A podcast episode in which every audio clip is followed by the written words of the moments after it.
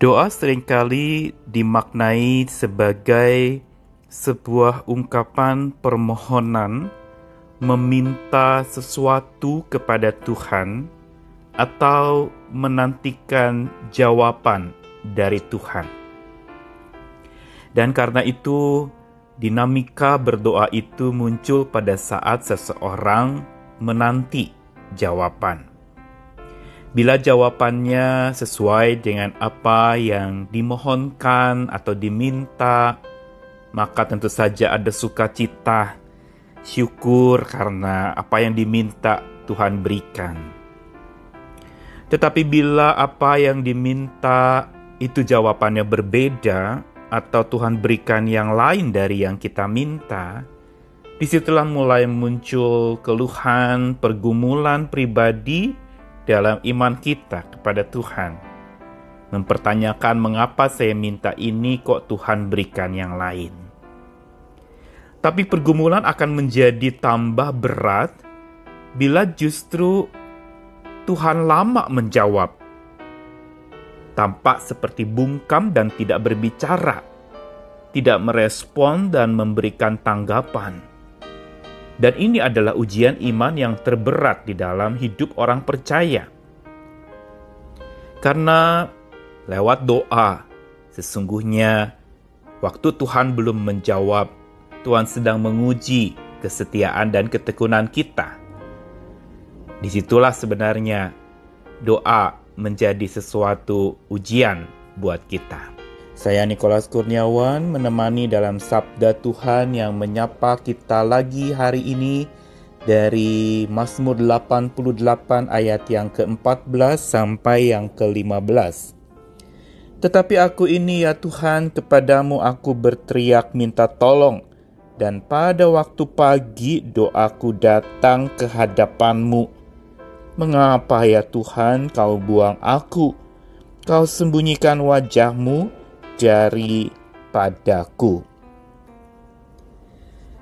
Bila di dalam Mazmur 88 ayat-ayat yang awal yaitu ayat kedua dan ketiga, di situ pemazmur yaitu Heman yang lewat nyanyian pengajarannya mengungkapkan segala pergumulannya. Di ayat yang awal itu tampak dia datang kepada Tuhan siang hari berseru, waktu malam juga menghadap Tuhan dan menaikkan doa. Dan lalu kemudian panjang lebar dia ungkapkan segala keluh kesah hatinya, segala pergumulan dan perasaan tertindih beban berat, perasaan dekat pada kematian. Tetapi lalu kemudian di dalam ayat yang ke-14 sampai 15 ini tampak bahwa si pemazmur ini justru menantikan jawaban dari Tuhan. Dia ulang lagi bahwa aku ini berteriak minta tolong pada waktu pagi doaku datang ke hadapanmu. Atau dalam terjemahan lain dikatakan dalam setiap pagi doaku datang kepada Tuhan. Tapi di ayat 15, pemazmur ini bertanya mengapa engkau buang aku, menolak aku, Mengapa engkau sembunyikan wajahmu daripadaku? Di sinilah pemazmur justru merasakan betapa Tuhan tampak bungkam. Pergumulan berat yang menindih hidupnya seolah-olah menjadi mendung kabut yang menyebabkan dia tidak dapat mendengar suara Tuhan. Kegaduhan, pergumulan, dan gejolak hatinya itu menyebabkan dia tidak bisa mendengar suara Tuhan itu dari pihak si pemazmur. Tetapi bila kita lebih jauh lagi memahami tentang makna doa dalam kitab suci, maka sesungguhnya doa terungkap bukan semata merupakan ungkapan permohonan untuk menantikan jawaban. Tetapi doa sebenarnya adalah sebuah penyerahan diri, sebuah pengungkapan isi hati yang tanpa jawaban pun sebenarnya ketika kita mengungkapkan isi hati kita, di situ sebenarnya jawabannya sudah ada, yaitu kita menjadi lega setelah kita ungkapkan seluruh pergumulan kita. Doa bukan sekedar menanti jawaban, tetapi agar supaya mata iman kita terbuka, memandang kepada Tuhan. Kita tahu doa sering kali diidentikan dengan mata tertutup.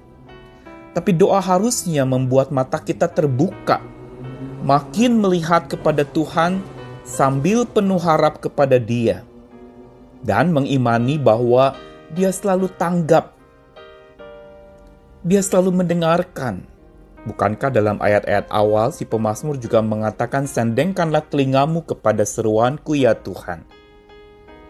Tetapi yang menarik adalah bahwa ketika Tuhan tidak menjawab atau seolah tidak berbicara meresponi, sebenarnya bukan Tuhan tidak menjawab atau tidak berespons.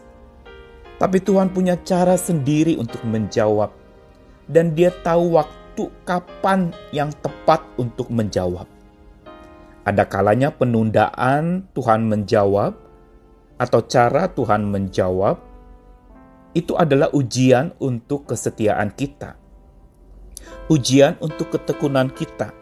Terus berseru kepada Tuhan dan terus mengungkapkan isi hati menjalin relasi yang dekat dengan Tuhan.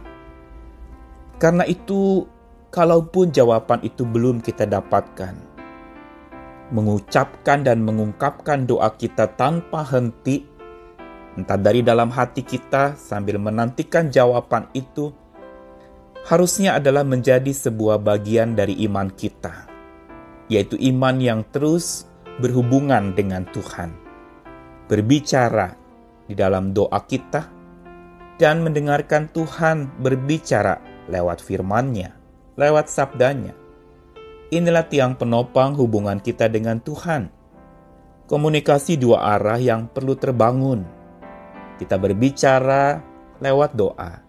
Tuhan berbicara lewat firman, lewat sabda. Dan karena itu jalinan komunikasi hubungan yang dalam ini harusnya membuat iman kita makin bertumbuh.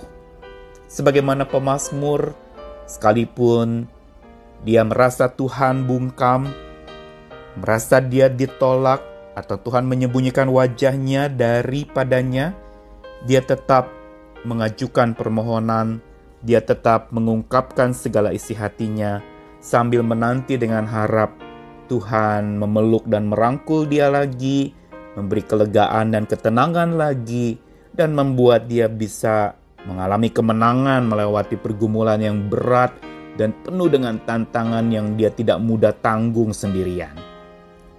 Tuhan mau kita terus menjalin sebuah kehidupan doa yang bertumbuh.